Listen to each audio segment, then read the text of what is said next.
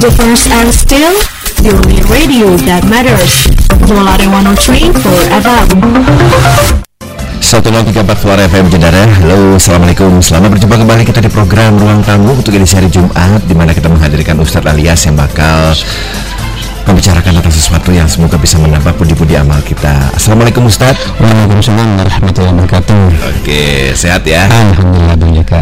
Oke, jadi bercandara untuk edisi hari ini tanggal 12 Agustus 2022, Ustadz da, akan mengangkat sebuah tema yang kebetulan berkaitan dengan sebuah momen yang baru saja berlalu bercandara ya, di mana Indonesia merayakan sebuah hari yang bernama Hari Anak Nasional. Ya. Jadi ini merupakan sebuah momen yang diharapkan bisa meningkatkan kesadaran publik ya, baik itu orang tua maupun masyarakat awam mengenai kepentingan betapa penting dan vitalnya uh, masa anak itu sendiri ya. Ya. Baik itu dari segi apa uh, pembelajaran, dari segi bagaimana mereka dibebaskan untuk menjadi seorang anak-anak ya. Tentunya juga kita tidak lupa bagaimana kita bisa mempersiapkan mereka agar bisa menjadi muslim dan muslimah yang akan bermanfaat bagi agama dan juga bagi lingkungannya ya Ustadz ya. Iya betul. Ya, silakan Ustadz. Eh, Oke, Bismillahirrahmanirrahim. Uh, Assalamualaikum warahmatullahi wabarakatuh. Uh, Alhamdulillah alamin. Ya, wassalatu wassalamu ala asyrafil anbiya wal mursalin wa ala alihi wa ashabihi ajmain. Uh, dengan rahmat Allah, uh, Alhamdulillah uh, tema kita sebagaimana yang yang sampaikan Bang Jaka tadi uh, tentang uh, dalam surah Luqman ya surah 31 itu uh, ada beberapa ayat berkenaan dengan uh, pendidikan yang dicontohkan oleh Luqmanul Hakim ya. Uh, mari kita lihat dalam surah 12 uh, dan selanjutnya. Auzubillahi minasyaitonirrajim. Bismillahirrahmanirrahim Walaqad atayna Luqmanal hikmata anishkur lillah. Wa may uh, wa may yushkur fa inna ma yashkuru nafsi wa man kafar fa innallaha ghaniyyun hamid. Dan sungguh ya telah kami berikan hikmah kepada Luqman yaitu bersyukurlah kepada Allah dan barang siapa bersyukur kepada Allah maka sesungguhnya dia bersyukur untuk dirinya sendiri. Dan barang siapa tidak bersyukur atau kufur atau ingkar maka sesungguhnya Allah uh, mukanya uh, maha kaya dan maha terpuji. Uh, dalam surah ke-12 ini uh, Luqman diberi hikmah oleh Allah Subhanahu wa taala. Itu sebagai satu teladan bagi kita semuanya bahwa yang pertama oleh Allah kita diminta semuanya bersyukur pada Allah.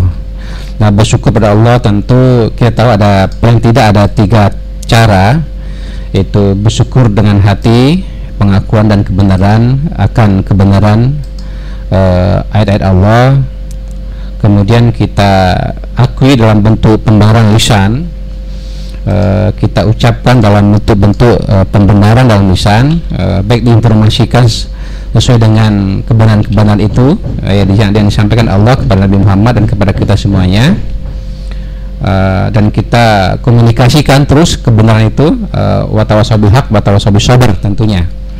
Kemudian syukur yang selanjutnya adalah tentu kita harus membuktikan dalam bentuk perbuatan uh, seperti halnya kita bagaimana kita memberikan pendidikan yang terbaik untuk putra putri kita supaya mereka uh, tentu sudah menja akan menjadi estafet uh, generasi kita atau estafet pembangunan dan rangka meneruskan uh, regenerasi yang mungkin uh, pada akhirnya akan melanjutkan perjuangan uh, kedua orang tuanya uh, yang, yang tentunya untuk uh, manfaatnya uh, insya Allah untuk diri sendiri dan uh, lingkungannya atau orang lain. Nah, kemudian uh, Allah juga mengatakan dalam firman Allah tersebut bahwa jika kita bersyukur maka itu sesungguhnya itu untuk uh, untuk diri kita sendiri. Ya, artinya kita uh, dalam rangka untuk uh, memuji Allah Subhanahu Wa Taala dan itu semuanya untuk kepentingan kita sendiri juga dan sebaliknya kata Allah uh, dalam surah Luqman itu surah ke-12 bahwa jika kita tidak bersyukur maka tidak apa tidak kufur nikmat atau kita kufur nikmat maka sungguhnya uh, Allah itu uh, maha kaya, uh, maha terpuji dan Allah itu uh, la in syakartum la azidannakum wa la in kafartum inna azabil syadid. Barang siapa yang bersyukur, uh, mensyukuri nikmat yang di mana kita tahu nikmat yang banyak dalam surah apa uh, Al-Kausar, inna atainakal kausar. Hmm, ya. Sesungguhnya Allah itu memberikan nikmat yang banyak. Ya, karena Allah memberikan yang banyak, maka Allah minta kepada kita, maka fasolli, maka berbaktilah, uh, berbaktilah, uh, uh, mengabdilah pada Allah Subhanahu taala. Berbakti dan mengabdi itu di antaranya adalah uh, kita diberi amanah oleh Allah Subhanahu wa taala berupa amanah yang namanya anak kesayangan kita masing-masing. Uh, baik anak adopsi atau anak kandung itu juga merupakan amanah dari Allah untuk kita didik sebagaimana uh, telah dicontohkan oleh baginda Rasulullah dan uh, juga ada di juga juga ada di pada contoh pada Luqman ya. Uh, di, dikisahkan dalam surah Luqman juga. Uh, kemudian uh, dalam firman Allah dan surah Luqman juga masih uh, ayat ke-13 Uh, wa iz qala Luqman li, li ibni wa huwa ya'izuhu ya bunayya la tusyrik billah ya. Hmm, Ya, oke. inna syirka la zulmun azim. Dan ingatlah ketika Luqman berkata kepada anaknya ketika dia memberi pelajaran pembelajaran kepada anaknya, wahai anakku, janganlah engkau mempersekutukan Allah. Sesungguhnya mempersekutukan Allah adalah benar-benar kezaliman yang besar. Jadi pendidikan eh, pertama oleh Luqman kepada anaknya adalah jangan menyekutukan Allah. Nah, jadi ketika anak terlahir di dunia ini, ya awal pendidikan kita dalam hadis juga dicontohkan oleh Rasulullah juga bahwa memperkenalkan eh, tahun-tahun pertama adalah ketauhidan Ya. yaitu di awal kita dilahirkan beberapa detik dilahirkan maka kita disunahkan untuk eh, memperkenalkan kalimat tauhid yaitu kalimat azan. Ya di sana kalimat ada kalimat tauhid kemudian membesarkan Allah dan tidak menyekutukan Allah. La ilaha illallah ya kan? Jadi tidak Tuhan selain Allah yaitu yang disembah yang diakui kekuasaannya itu Allah yang tunggal. Itulah eh, salah satu cara awal ketika kita punya putra putri ya mungkin bujang darah telah eh, apa telah bersiap-siap untuk melaksanakan kepelaminan tentu pendidikan awal kita adalah kita mencari ya mencari eh, calon pendamping kita masing-masing sebagaimana Rasulullah telah memberikan empat contoh empat kriteria. Nah, jadi Bang mungkin Bang Dara udah apa sudah tahu tapi eh, nggak apa-apa ya Bang Jaka kita ingatkan lagi ya yang pertama ya ukuran kita pada umumnya adalah eh, ganteng atau cantik Nah, ganteng atau cantik itu relatif ya Bang Jaka Betul, Nah, sesuai betul. dengan eh, apa namanya eh, apa namanya eh, apa namanya kriteria kita masing-masing Hmm. bahkan saya pernah baca artikel ternyata orang cantik itu bukan dilihat dari apa padatnya. Dia punya wajah atau body tapi dilihat dari apa namanya eh, keriputnya. Ternyata ada orang ukur cantik atau ganteng itu keriputnya kulit. Ya mungkin tidak tahu apa ukurannya maka dikatakan bahwa ganteng atau cantik itu sifatnya relatif. Kemudian yang kedua ukuran kita menurut Rasulullah adalah eh, keturunan ya, keturunan yang baik-baik. Jadi bulan darah sudah tahu eh, jadi keturunan baik itu adalah eh, keturunan yang berkualitas. Jadi bulan darah silakan pilih calon-calon pendamping baik laki maupun perempuan yang berkualitas. Baik tes, eh, baik segi terutama dari segi eh, gennya ya kecerdasannya ya dan segala macam itu mungkin bujang bujang tahu lah ya bagaimana yang dimaksud dengan eh, apa ya, yang, yang dimaksud dengan keturunan yang baik-baik kemudian yang ketiga adalah tidak kalah pentingnya dalam memilih calon itu adalah yang ketiga adalah kita harus eh, apa bukan harus ya disunahkan eh, ada memilih calon yang kaya ya kaya itu bisa kaya harta ya bisa bisa harta memiliki harta atau memiliki pekerjaan. Nah, ya. Jadi intinya adalah eh, calon kita memiliki pekerjaan atau kekayaan itu itu, itu pilihan. Nah, yang ketiga, kalau nggak ada, maka yang keempat. Nah, yang keempat pilihan utamanya adalah pilih agamanya. Ya, jika ya jika satu, dua, tiga tidak dapat, maka utamakanlah yang agamanya yang bagus. Ya, agama yang bagus itu lah bukan agama mereka miliki level tingkat eh, apa eh, sar- kejasaran yang tinggi, tetapi eh, pengalaman, pengamalan ya, pengamalan nilai-nilai agama yang bagus pada dirinya itu yang dikatakan agama yang bagus. Ya, ada juga mungkin orang yang hafal Quran tetapi mungkin eh, amalannya eh, kurang baik. Ya, ada juga yang mungkin eh, sarjananya, kesarjananya mungkin sampai level-level ter- tertinggi tapi eh, adabnya dan akhlaknya dan agamanya kurang baik.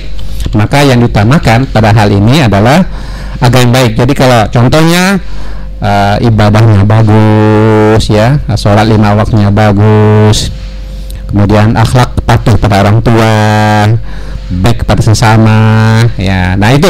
Jadi jika keempat kriteria ini kita dapat memilih calon dalam rangka persiapan generasi anak-anak ke depan nah itu maka insya Allah akan melahirkan generasi-generasi yang baik nah maka jadi pendidikan awal kita adalah mencari mencari calon eh, calon dari bapak dan ibu eh, untuk anak-anak kita ke depan. Nah, dalam rangka apa? Supaya generasi generasi generasi yang dilahirkan menjadi generasi-generasi ya, yang militan, yang baik, yang soleh soleha serta berilmu. Nah, itu yang penting. Nah, jadi itu eh, di antara eh, contoh-contoh yang Rasulullah berikan kepada kita eh, melalui juga eh, dalam contoh dalam, dalam surat Luqman dan pada surat Luqman ini tekankan adab, ya, Hmm. tekankan bentuk adalah adab dalam rangka untuk apa namanya patuh kita pada Allah Subhanahu Wa Taala. Kemudian eh, dalam firman Allah juga yang lain dikatakan eh, dan kami diperintahkan kepada manus- manusia agar berbuat baik kepada kedua orang tuanya. Ibunya telah mengandung dalam keadaan lemah yang bertambah lemah dan menyapinya dalam usia dua tahun. Bersyukurlah padaku dan kepada kedua orang tuamu hanya kepada akulah aku kembali. Jadi kita mendidik putra putri kita itu agar mereka eh, patuh kepada kedua orang tuanya. Nah, jadi sejak sejak usia dini, eh, usia apa eh, kelahiran pertama sampai usia eh, usia-usia yang dianggap masih anak-anak, itulah pendidikan awal yang perlu ditanamkan dalam rangka dalam rangka untuk kepatuhan kepada eh, kedua orang tuanya. Eh, Bujan darah mati Allah eh, bahwa mari kita lihat apa namanya cara-cara ya eh, cara-cara kita mendidik anak eh, tentu sesuai dengan eh, petunjuk-petunjuk eh, perspektif ya, Islam tentunya eh, dan yang, yang telah dicontohkan oleh baginda dan eh, bagaimana pendidikan eh, anak oleh Lukman kepada eh, putra putrinya. Uh, Bujan rahmati Allah. Nah tentu kita tahu bahwa cara mendidik anak memang menurut Islam eh, perlu kita ketahui oleh oleh semua umat Muslim yang eh, dewasa, terutama bagi calon-calon. Nah tadi eh, calon-calon eh, pemula eh, rumah tangga ya, calon-calon pemula rumah tangga tadi sudah di- disampaikan empat kriteria calon pendamping dalam rangka untuk eh, apa eh, menyiapkan generasi-generasi. Ya. Nah, saya sampaikan bahwa selain empat tadi ada tanda ada tambahan yaitu cara memilih calon di antara adalah eh, pilih wanita yang memiliki keturunan yang subur. Nah, itu di antaranya juga. Hmm. Nah, yang subur maksudnya eh, bisa melahirkan. Nah, tentu Bujang Gara tahu eh, ciri-ciri wanita yang mudah atau yang bisa eh, yang bisa mengandung atau bisa melahirkan itu penting dalam rangka untuk mewariskan warisan putra-putri yang soleh soleha. Uh, rahmati Allah, mari kita lihat eh, bagaimana eh, Lukman ya cara mendidikan anak kepada putra putrinya Rasulullah juga memberikan seperti itu. Yang pertama, Dara, eh, yang perlu kita tanamkan adalah memperdengarkan Quran sejak uh, lahir. Ya. Nah, cara mendidik anak memang pertama yang harus kita mulai sejak dalam kandungan. Ya, sudah kita mulai memberikan pendidikan secara uh, diperdengarkan semasa hamil 9 bulan 10 hari. Ya. Nah, dari hasil apa ya? Dari hasil uh, penelitian dikatakan bahwa ternyata ketika dalam kandungan seseorang itu pernah di, uh, diteliti uh, berapa katakanlah seribu wanita yang hamil dan seribu yang tidak itu diteliti, diteliti apa diteliti dengan diperdengarkan hmm, ya, yang ya, seribu ya. wanita itu diperdengarkan ayat Quran ya uh, sementara yang seribu lain tidak diperdengarkan ternyata memang dari hasil uh, penelitian beberapa kurun waktu belasan tahun kemudian eh, orang-orang ini ternyata ada perbedaan yang signifikan. Jadi anak-anak yang diperdengarkan itu ternyata memang jauh lebih mencintai Quran. Hmm. Ya dibandingkan mereka-mereka yang apa nama yang ketika saat hamil tidak diperdengarkan Al-Quran. Kemudian eh, yang kita tahu bilang darah ternyata orang-orang tua kita dulu ketika apa ketika anaknya telah melaksanakan uh, apa pesta pernikahan nah dalam masa-masa masa-masa tahun-tahun pertama biasanya orang kedua orang tuanya terutama wanitanya dan orang tuanya itu biasanya oleh orang tuanya selalu dibimbing supaya tidak berkata-kata hal-hal yang adab-adab yang apa berkata-kata yang tidak baik Ya, kenapa? Karena orang tua sebagai terutama ibunya yang sebagai yang mengandung itu kalau e, ber, ber, berperilaku tidak baik atau berkata-kata tidak baik atau beradab tidak baik, maka itu akan membentuk karakter e, janinnya.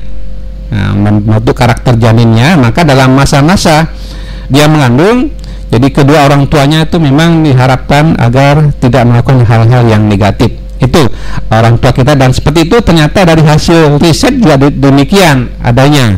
Jadi makanya sejak awal uh, tadi sampaikan awal-awal kita apa uh, menentukan pilihan yang empat itu nah empat kriteria itu uh, yang yang yang disampaikan oleh Rasulullah itu merupakan karakter yang positif, para karakter yang baik. Nah, ketika kita menjatuhkan pilihan keempat karakter itu tadi, nah minimal yang pilihan yang keempat tadi itu agama yang bagus, maka itu itu merupakan sudah membentuk karakter pribadi kedua orang tuanya dan insya Allah akan membentuk karakter uh, kepada anak-anaknya nanti. Nah, itu yang dirahmati Allah, maka perlu kita dengarkan. Nah, kemudian janda setelah lahir Nah, kita dibimbing supaya kita teratur ya, teratur mempendengarkan baca Quran. E, minimal mungkin pagi atau dari subuh menjelang menjelang siang. E, sekarang ini kan tidak tidak mesti orang tuanya harus membaca Quran secara tekstual. Hmm. Jadi orang tuanya bisa hanya memperdengarkan saja melalui e, kita punya punya HP yang cukup canggih gitu ya cukup memilih menu uh, ada pesan Quran dan suara-suara yang mungkin tilawah-tilawah yang bagus cukup diputar selama berapa uh, menit insya Allah kalau rutin. Nah insya Allah itu akan membantu uh, karakter baik kepada putra-putri kita. Nah ini menurut menurut apa uh, hasil kajian bahwa apabila kita memiliki anak yang seorang hafiz Quran atau tahfiz Quran maka ada tak ada tata cara ada tata cara yang perlu kita lakukan. Mungkin uh, bisa kita bisa kita contoh yaitu uh, yang pertama ketika udah terlahir itu yaitu satu bulan pertama itu satu bulan pertama itu rutin. Kita mendengarkan uh, satu juz Ya, ya. Nah, satu bulan pertama. Nah, satu bulan pertama kita memperdengarkan satu juz. Kemudian satu bulan kedua kita perdengarkan juz keduanya. Nah, sampailah sampailah 30 bulan selama 2 tahun. Nah, jadi ya, usianya 2 tahun setengah ya. Sekitar 2 tahun lebih dikit. Uh, kan 24 bulan ya Bang ya. Enggak. 24 bulan sementara itu ada 30 juz. Ya. Berarti sekitar uh, 30 30 bulan tapi dua, dua, dua, dua, dua tahun setengah ya ya bisa nah jadi kita pendengarkan secara rutin eh, setiap eh, Tapi setiap- dengarkannya jangan pakai kaset bang. ya Jangan pakai kaset dengarkan Ustaz. Dibaca lah. Ah, dibaca bisa Ada pakai MP3 bukan? kalau kalau baca kan tidak semua orang tuh bisa baca ah, malah ba- malah baik kalau orang tuanya baca Hmm. nah itu angka lebih baik rutin setiap apa setiap bulan rutin itu tujuh diulang-ulang nah em, apa persoalannya? Tidak mesti anak itu umur datang hafal tidak mesti. Tetapi ketika anak tuh sudah bisa baca Quran memori sudah terekam Nah, memang sudah. Nah, ketika dia ketika dia disuruh peng, disuruh menghafal menghadap seorang ustadz atau seorang guru yang tahfiz Quran, dipendengar apa di dibimbing cara menghafalnya, di- dia akan sangat mudah menghafal karena sudah ada memorinya.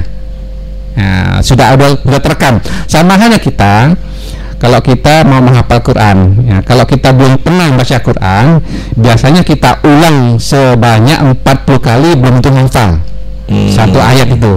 Tapi kalau kita sudah pernah dengar sebelumnya, nah, sudah terekam sebelumnya walaupun tak hafal, sudah sering dengar, maka itu sangat akan sangat mudah kita menghafal. Ya. Nah, itu. Jadi belum rahmatullah eh, walaupun saya sudah berumur sekarang ini, alhamdulillah eh, bisa dicontoh. Jadi saya setiap subuh jadi minimal satu ayat saya menghafal diulang eh, 30 33 kali pakai tasbih. Nah, saya mengulangnya 33 eh, so, contohnya alhamdulillah alamin alhamdulillah alamin sampai 33 kali Eh, walau, walau tidak mengapa tapi cukup membaca saja nah insya Allah besoknya kita ulang sudah sangat mudah Nah, sangat mudah untuk kita hafal. Jadi itu ternyata memang ada teorinya bujang darah. Jadi ternyata tahfiz Quran itu para penghafal Quran itu mereka eh, memang disuruh mengulang sebanyak 40 kali satu ayat.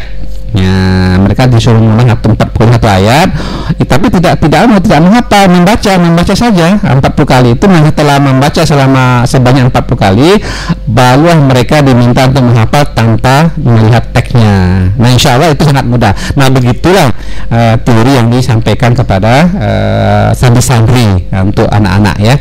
Jadi untuk putra putri kita seperti itu, saudara.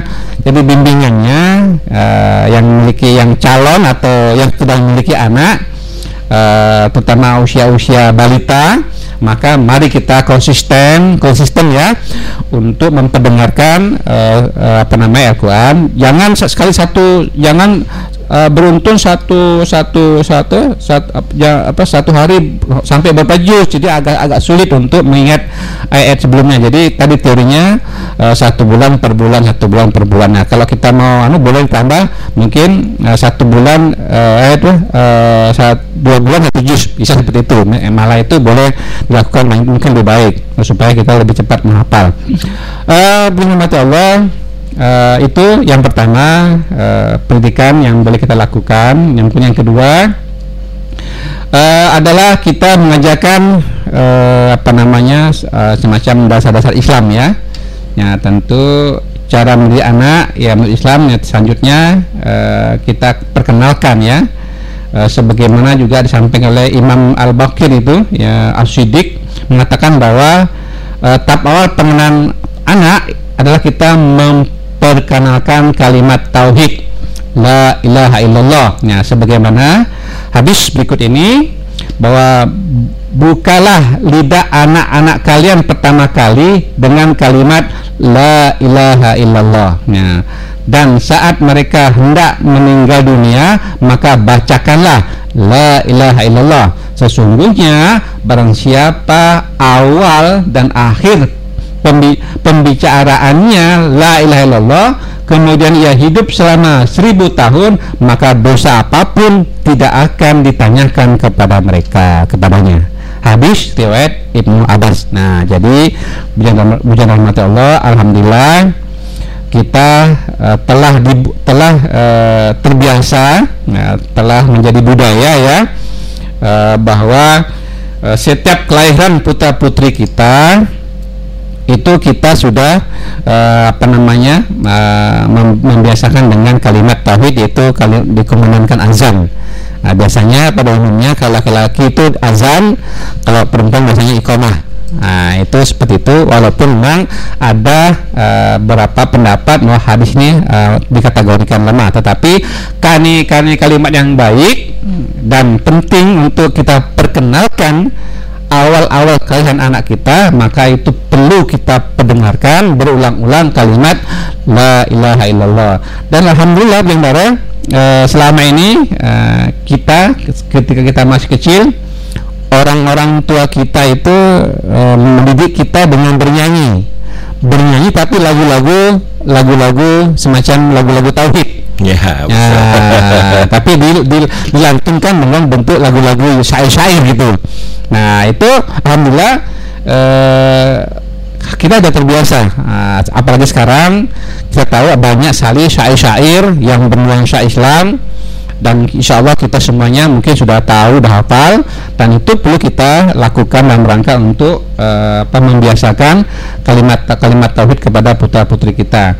Uh, yang dirahmati Allah, tentu contoh-contoh uh, contoh-contoh uh, perlu kita lakukan kepada putra putri kita yaitu uh, bagaimana itu memberikan contoh uh, dan pengajaran sholat nah, ini itu langkah-langkah selanjutnya nih ya. Hmm. nah, yaitu cara mendidik anak kita tentu menurut Islam tentu kita uh, melakukan contoh-contoh dalam sholat ya. Kita bimbing anak-anak kita uh, sebagaimana kita banyak banyak tahu uh, di media-media di medsos itu kadang-kadang kita lihat anaknya umur 2 tahun ikut sholat kan.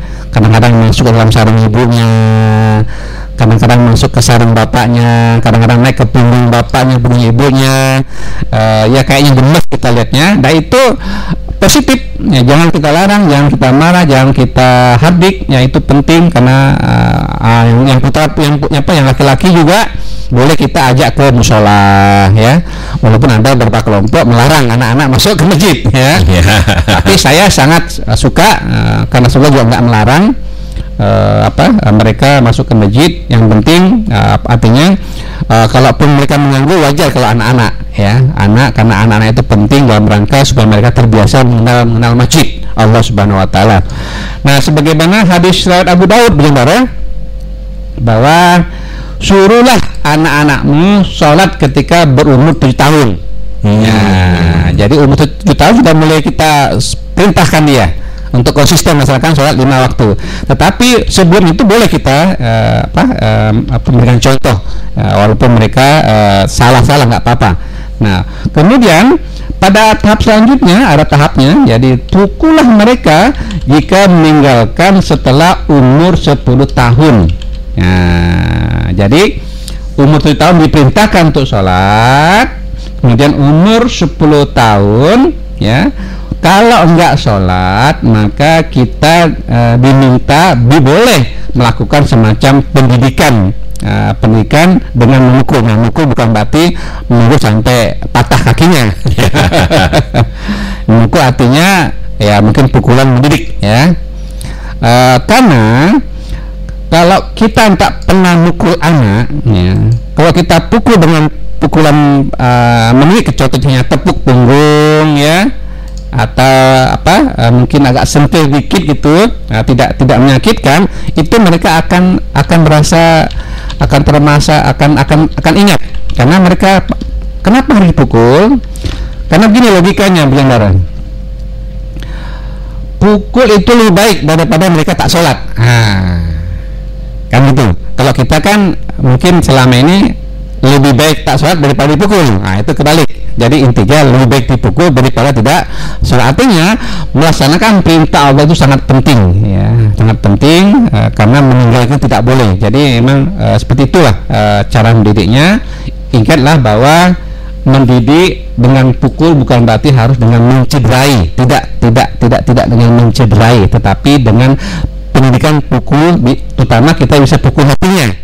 Nah, kita buku dengan kata-kata ya uh, dengan kata-kata yang logis, kata-kata yang uh, yang diterima oleh kemampuan akal cara berpikir anak dan itu dalam rangka pendidikan supaya mereka itu terbiasa. Nah, uh, hal yang lain bisa kita lakukan. Uh, contohnya kita uh, mau bawa dia ke pasar atau ke belanja atau jalan-jalan sementara mereka belum sholat. Nah, kita perintahkan kami boleh ikut kalau sholat dulu. Nah, kan gitu. Sama halnya kita ketika anak tuh mau pergi ikut kita, dia nggak pakai kerudung. Kalau kalau wanita, eh, kamu boleh ikut, nggak boleh ikut. Kalau kalau kalau nggak pakai kerudung, nah mereka akan pakai kerudung kalau mau eh, jalan. Nah, itu pendidikan yang bagus seperti itulah eh, membiasakan supaya mereka itu merasakan bahwa penting sekali bahwa eh, memberikan pendidikan semacam yang contohkan Rasulullah itu boleh kita lakukan. Dan juga tidak kalah penting ini kita juga ingin menyoroti bahwa bahwasanya apa ya berkeluarga itu memang adalah tuntutan dari Islam ya. Iya. Nah, tapi juga kita harus menyadari bahwa tidak semua orang siap untuk jadi orang tua gitu loh. Terlalu banyak cerita kita melihat belakangan ini ya, mulai dari penelantaran, mulai dari apa istilahnya penyiksaan apa segala macam. Ya, semoga kita dijauhkan dari sifat-sifat itulah Ustadz ya. Allah. Karena apa istilahnya kekejian yang kita lakukan terhadap orang yang tidak mampu melawan ya, apalagi itu adalah darah daging kita sendiri, Iya. sesungguhnya adalah perbuatan yang sangat dimurkai oleh Allah ya. Iya. Eh, yang disampaikan Bang Jaka tadi itu yang menjadi fenomena kita Mengkhawatirkan eh, sekali ya. mengkhawatirkan sekali bahkan memang eh, benang darah yang perlu, perlu juga eh, menjadi pengalaman hidup dan menjadi contoh bahwa memang eh, lima bulan pertama awal pernikahan itu rawan-rawan eh, terjadi keluarga broken. Tiga apa lima bulan pertama. Hmm. ya karena lim- lima bulan pertama insya Allah terlewati insya Allah masuk ke lima tahun pertama. Nah itu yang berat Eh, karena eh, kadang ka- kita sering melihat eh, baru tahun-tahun pertama baru bulan pertama sudah sudah terjadi yang namanya eh, perselisihan sehingga yang menjadi korban tentu putra putri. Nah setelah putra putri jadi korban tentu yang menjadi masalah adalah pendidikan eh, selanjutnya kepada mereka. Nah, inilah menjadi kewajiban kita menjaga rahmat Allah mewariskan generasi eh, putra putri menjadi anak yang soleh soleha walaupun itu sebagai anak adopsi maka juga karena kita sudah mengadopsi berarti sudah kewajiban kita mendidik dia menjadi anak yang soleh anak soleh anak yang baik. Eh, insya Allah juga bermanfaat bagi kedua orang tuanya dan bagi kedua orang yang eh, mendidiknya. Nah tentu langkah selanjutnya dalam rangka cara-cara kita mendidik anak adalah eh, menurut Islam tentu kita telah diajarkan oleh Rasulullah tadi y- yang tadi berupa apa kalimat-kalimat tauhid yaitu azan ya, diperkenalkan pada putra putri kita. Dari Abu Daud dan Tirmizi ya, aku telah melihat Rasulullah SAW mengajarkan Al Hasan bin Ali ya, pada telinganya saat dilahirkan oleh Fatimah dengan azan seperti azan sholat. Ya. Itu hadis riwayat Tirmizi walaupun memang kualitas hadis ini ada yang memperdebatkannya ya. Tapi intinya adalah ini kita boleh kita lakukan dalam rangka eh, mem- memperkenalkan kalimat tauhid tauhid awal kepada eh, anak balita kita. Nah itu yang rahmat Allah perlu kita lestarikan eh, dan eh, jangan khawatir tentang eh, apa namanya eh, keraguan kita dalam rangka eh, memperkenalkan kalimat azan kepada bayi yang dilahirkan. Kemudian Jangan rahmati Allah eh, tentu langkah selanjutnya kita mengajarkan atau mendidik mereka untuk berpuasa. Nah, jadi mengajak anak untuk mulai puasa, menggunakan puasa mungkin bisa kita lakukan pada usia-usia 6 tahun ya. Ya. Ya, sudah menanyakan bangun sahur. Memang anak usia-usia seperti ini sulit ya makan sahur, sulit Ya. bangun, sulit eh, makan sahur. Ya, Nah, yang paling gampang biasanya diiming-imingi duit ya. makanya orang tua kita itu yang ya biasanya di apa ada ada penghargaan ya. Kalau Kalau- puasa setengah hari dapatnya lima ribu, puasa full sepuluh ribu. Iya. Nah, bah- bahkan ada yang dikasih penghargaan di akhir tak akhir akhir bulan puasa, Hmm. lebaran, ya, di- mungkin dibelikan sepeda, gitu kan? Atau mungkin dibelikan kuota kalau sekarang ya. Nah, belikan kota kan? Kan anak senang banget tuh kan? Nah, apalagi kan anak-anak sekarang lagi suka suka usia-usia 6 tahun sudah bisa main game ya. Hmm, iya. Nah, Aduh. jago dia main game. nah, tentu nah karena ini era digital tentu ya, tentu eh, apa digital tersebut juga membantu anak dalam rangka memperkenalkan mereka terhadap dunia dunia barunya. Hmm. Nah, kalau kita dunia kita dulu kan banyak bermain lapangan tuh. Ya, banyak apa eh, apa fenomena fenomena alam atau alam-alam sekitar kita itu jadikan permainan. Nah, sementara eh, game kita itu seperti itu. Nah, sementara untuk anak kita sekarang ini adalah gamenya adalah eh, berupa sejenis ya, gadget itulah ya kayak HP dan segala dan lain-lain. Nah, nah itu media mereka dalam rangka untuk apa menghabiskan waktunya di sana. Ya, memang eh, positif juga ada, negatif juga ada ya. Tapi perlu kita kontrol supaya mereka itu eh, bisa mengendalikan eh, mengatur waktu. Nah, orang tua yang harus tegas. Ya, bahkan nah, saya juga saya juga mendapat semacam pendidikan tambahan dari orang tua ya ketika saya mengantar anak eh, pendidikan di pondok modern di salah satu di Jawa itu jadi jadi ada statement orang tua kita ini sebagai orang tua walaupun SMA masih butuh ketegasan untuk memilihkan sekolah anak-anak kita eh, benar juga saya pikir Hmm. Nah, jadi memang untuk sekolah setingkat ya, apalagi balita, SD, SMP, SMA, jadi orang tua masih punya peran penting untuk menetapkan eh, sekolah anak-anak kita. Nah, seta- kecuali setelah dia SMA itu pilihan mereka. Nah, Ya. mau kuliah ke mana ya? Sebab kalau kita paksakan, nah dikhawatirkan putus tengah jalan. itu masalah. Gitu juga kalau misal kawin yang dipaksakan. Ya. Bisa putus tengah jalan. Iya. Jadi kalau mereka milih sendiri putus ya kan resiko. Nah. Tapi kalau orang tua yang milihkan, wah itu kan, nah ini kan gara-gara emak, gara-gara bapak. jadi orang tua disalahkan. jadi jadi Bang Jaka dulu dijodohkan bagaimana Bang Jaka? jadi bujang bujang damar bujang damar yang rahmati Allah. Jadi jadi umur 6 tahun, jadi orang tua sudah memiliki peran eh, untuk menetapkan apa namanya eh, anak dilatih untuk eh, melakukan ibadah. Contohnya seperti ibadah puasa perlu dilatih nah biasanya insya Allah umur 6 tahun umur 7 8 misalnya insya Allah mereka sudah terbiasa puasa satu bulan. Nah biasanya bahkan bahkan kita bahkan kita biasanya lebih awal lagi usianya lebih muda lagi biasanya 4 atau 5 tahun udah kita latih untuk puasa yang yang ya. Hmm. Nah, bahasa kita puasa yang itu kan puasa makan siang habis habis zuhur nah, puasa lagi ya puasa lagi sampai sore. Dilatih seperti itu.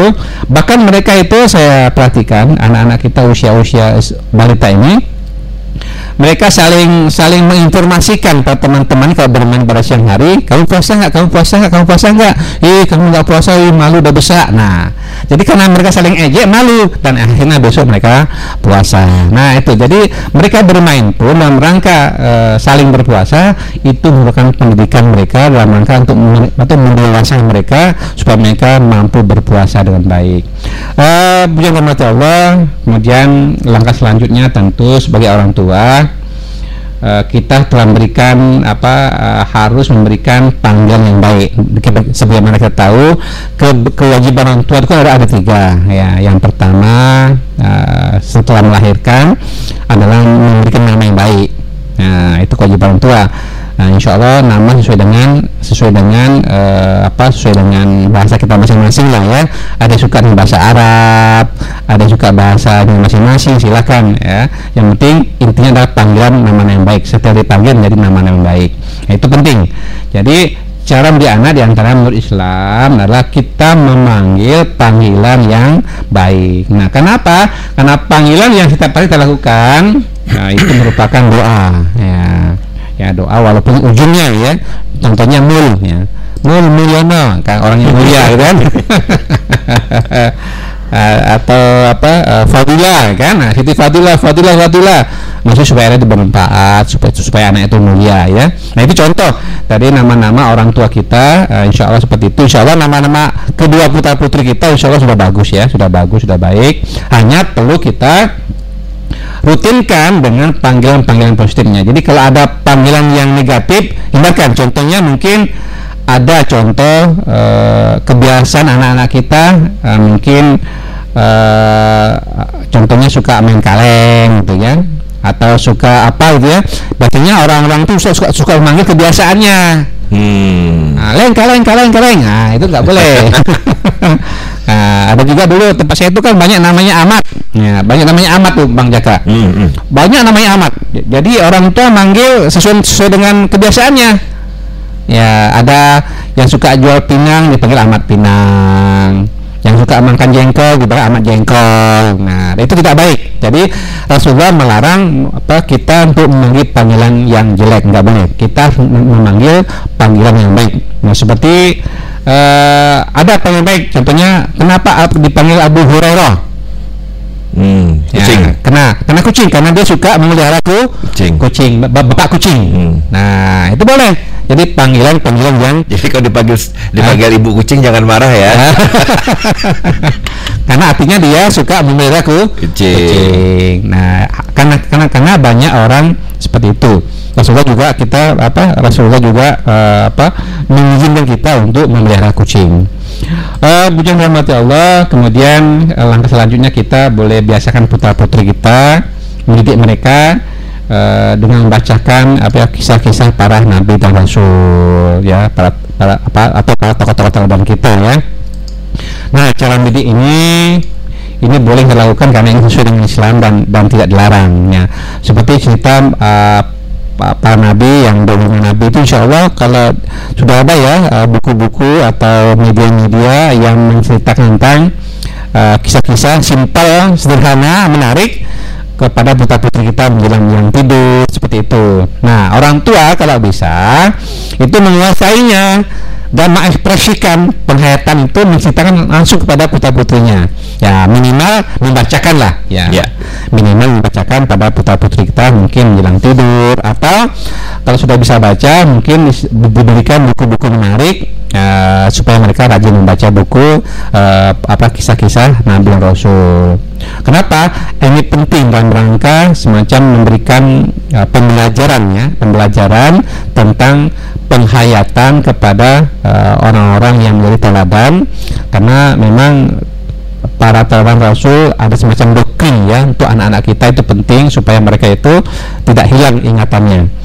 Eh, jadi mati Allah, kemudian yang perlu kita lakukan juga itu eh, membiasakan eh, putra putri kita itu mengucapkan dan menjawab salam ya. Karena ini ini juga ilmu sunnah rasul. Jadi kata Rasulullah jika kami pengen saling mencintai saling menyayangi maka ucap dan sebarkan salam. Ya. Nah, jadi putra putri kita dia harus mengucapkan salam. Soalnya perlu kita wajibkan ya. Eh, sebelum berbicara harus mengucapkan salam dulu. Atau sebelum masuk rumah harus mengucapkan salam dulu. Sebelum meninggalkan rumah harus mengucapkan salam dulu. Kemudian eh, biasakan dengan menjawab salam walaupun orang lain sudah menjawabnya ya. Jadi itu perlu dibiasakan. Nah apalagi masuk ke ke kamar masing-masing ya. Masuk kamar kakak kamar abang kamar orang tua itu eh, perlu kita memberikan kode-kode minimal ucapan salam ya salam mengetok pintu atau bel ya kenapa karena eh, pintu pintu kamar pintu rumah pagar itu merupakan aurat Nah, jadi bagaimana rumah kita auratnya adalah pagar, pagar depan rumah kalau ada pagar, ya. Hmm. Kalau pagar nggak ada, auratnya adalah pintu.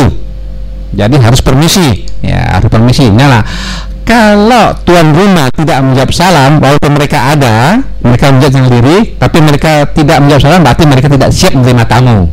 Hmm. Makanya lonong ya. jangan jangan lonong boy, walaupun keluarga. Ya. Ya, walaupun keluarga. Jadi Assalamualaikum Pak, kecek veteran gitu. masuk masuk jadi kalau keluarga kita di dalam rumah atau yang dalam rumah tidak siap menerima tamu tidak bisa salam berarti mereka tidak siap menerima tamu berarti kita dua kali maka kita eh, diperbolehkan untuk pulang ya jadi gitu sama dengan miskal Hmm. ya kalau kita miskal telepon ya eh, telepon tiga kali nggak ada yang angkat udah Ya. Nah, jangan sampai 10 kali Hmm. Ya, ngulangi mungkin beberapa jam kemudian. Nah, jangan eh, beruntung pada waktu itu. Nah, itu eh, tidak baik. Eh, Pujian rahmati Allah, memang pendidikan usia dini, nah, kan saya pernah meliti tentang pendidikan seks usia dini. Nah, gimana caranya? Yaitu di antaranya adalah ketika memasuki ruang-ruang uh, ruang-ruang khusus ya uh, aurat bagi masing-masing keluarga itu merupakan pendidikan seks.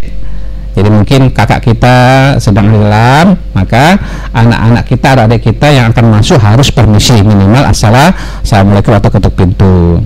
Uh, Bujang dari mati Allah. Uh, kemudian langkah selanjutnya uh, Rasulullah mengajak kepada kita uh, supaya membiasakan apa nama itu bersikap sederhana ya atau uh, apa namanya berbuat sederhana.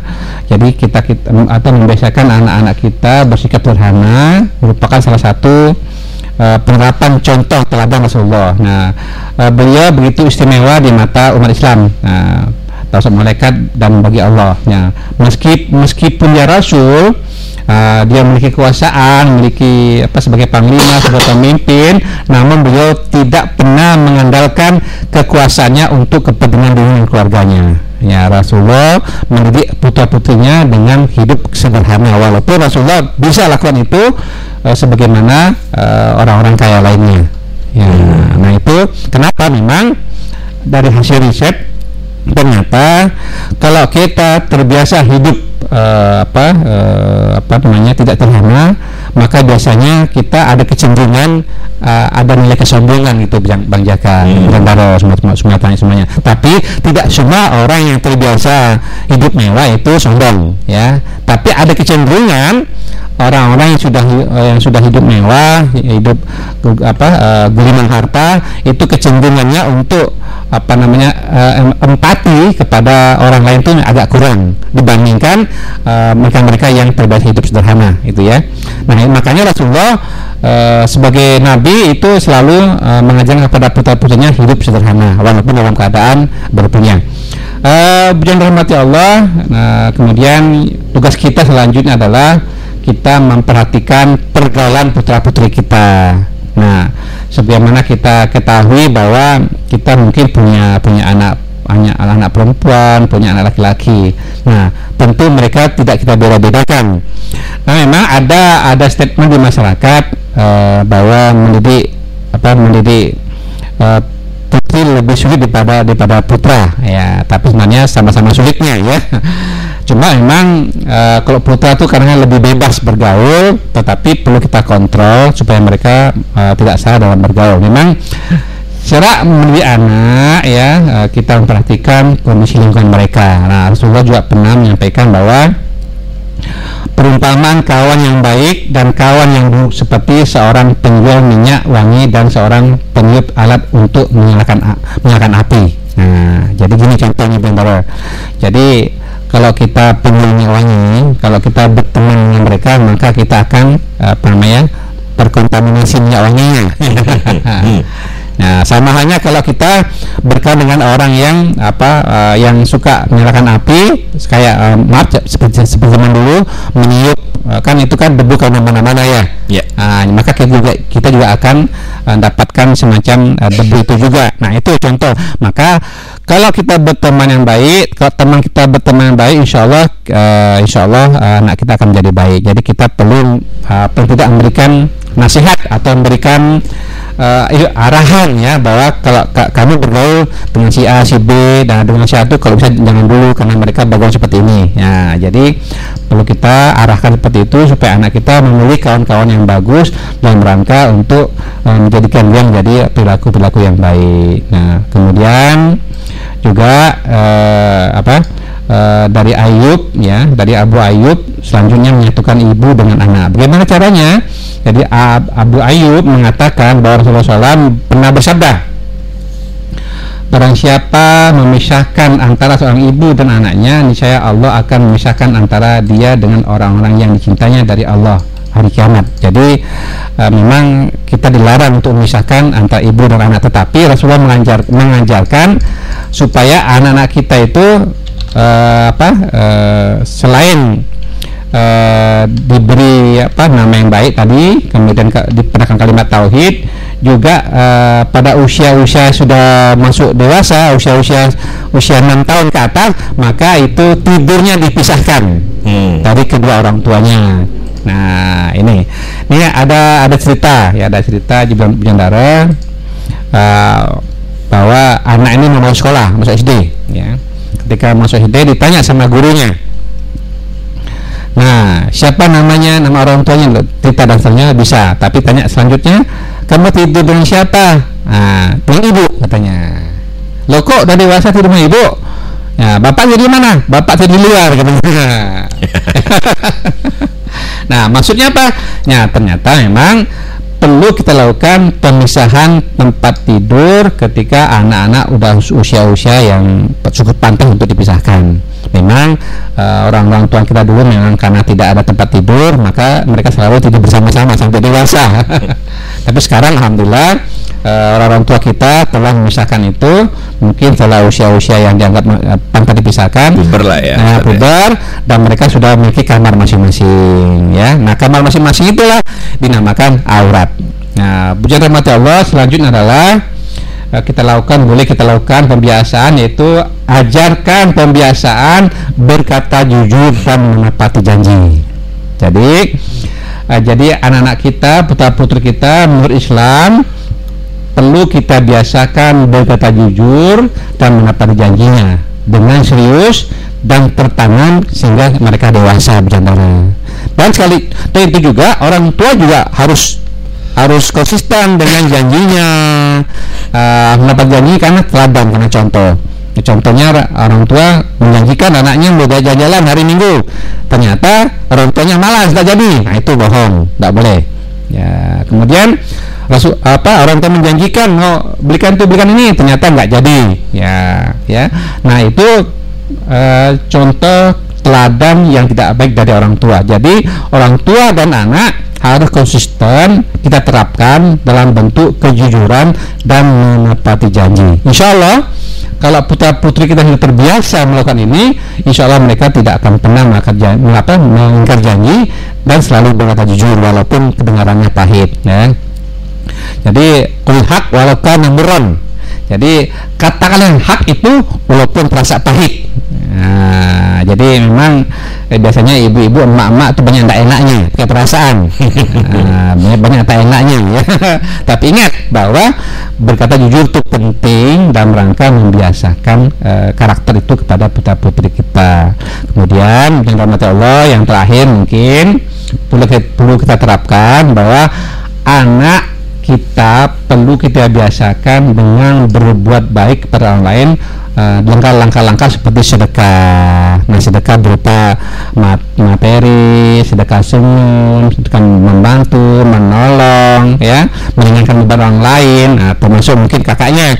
Contohnya kakaknya minta tolong, nah, anak-anak kita dia apa dilatih untuk membantu, menolong, meringankan beban orang lain. Begitu juga ketika ketika adik kita minta tolong, kita juga harus uh, saling tolong menolong. Nah dengan demikian upaya kerjasama bersedekah, membiasakan, membantu orang lain perlu kita lakukan. Kemudian kalau ada sumbangan atau memberikan infak kalau perlu yang memberikan adalah putra putri kita bukan orang tuanya jadi atau kita mencontohkan secara langsung atau mereka memberikan nah itulah langkah-langkah uh, yang mungkin bisa kita lakukan dalam rangka uh, mencontoh kehidupan eh, anak-anak uh, supaya mereka menjadi anak yang baik, anak yang bapak, anak yang soleh soleha, yang bermanfaat untuk uh, dirinya, untuk orang tuanya, untuk lingkungan dan tentu untuk agama dan bangsa. Saya kira itu aja dari saya uh, pada pagi hari ini. Mudah-mudahan ada manfaatnya. Uh, tentu kita doakan semuanya. Uh, Uh, subhanakallah bihamdika asyhadu illa illa anta astaghfiruka wa astaghfiruka wa atubu ilaik alhamdulillahirabbil alamin wassalamualaikum warahmatullahi wabarakatuh masukan untuk program ini ke volare@volareram.com dengan subjek kritik saran.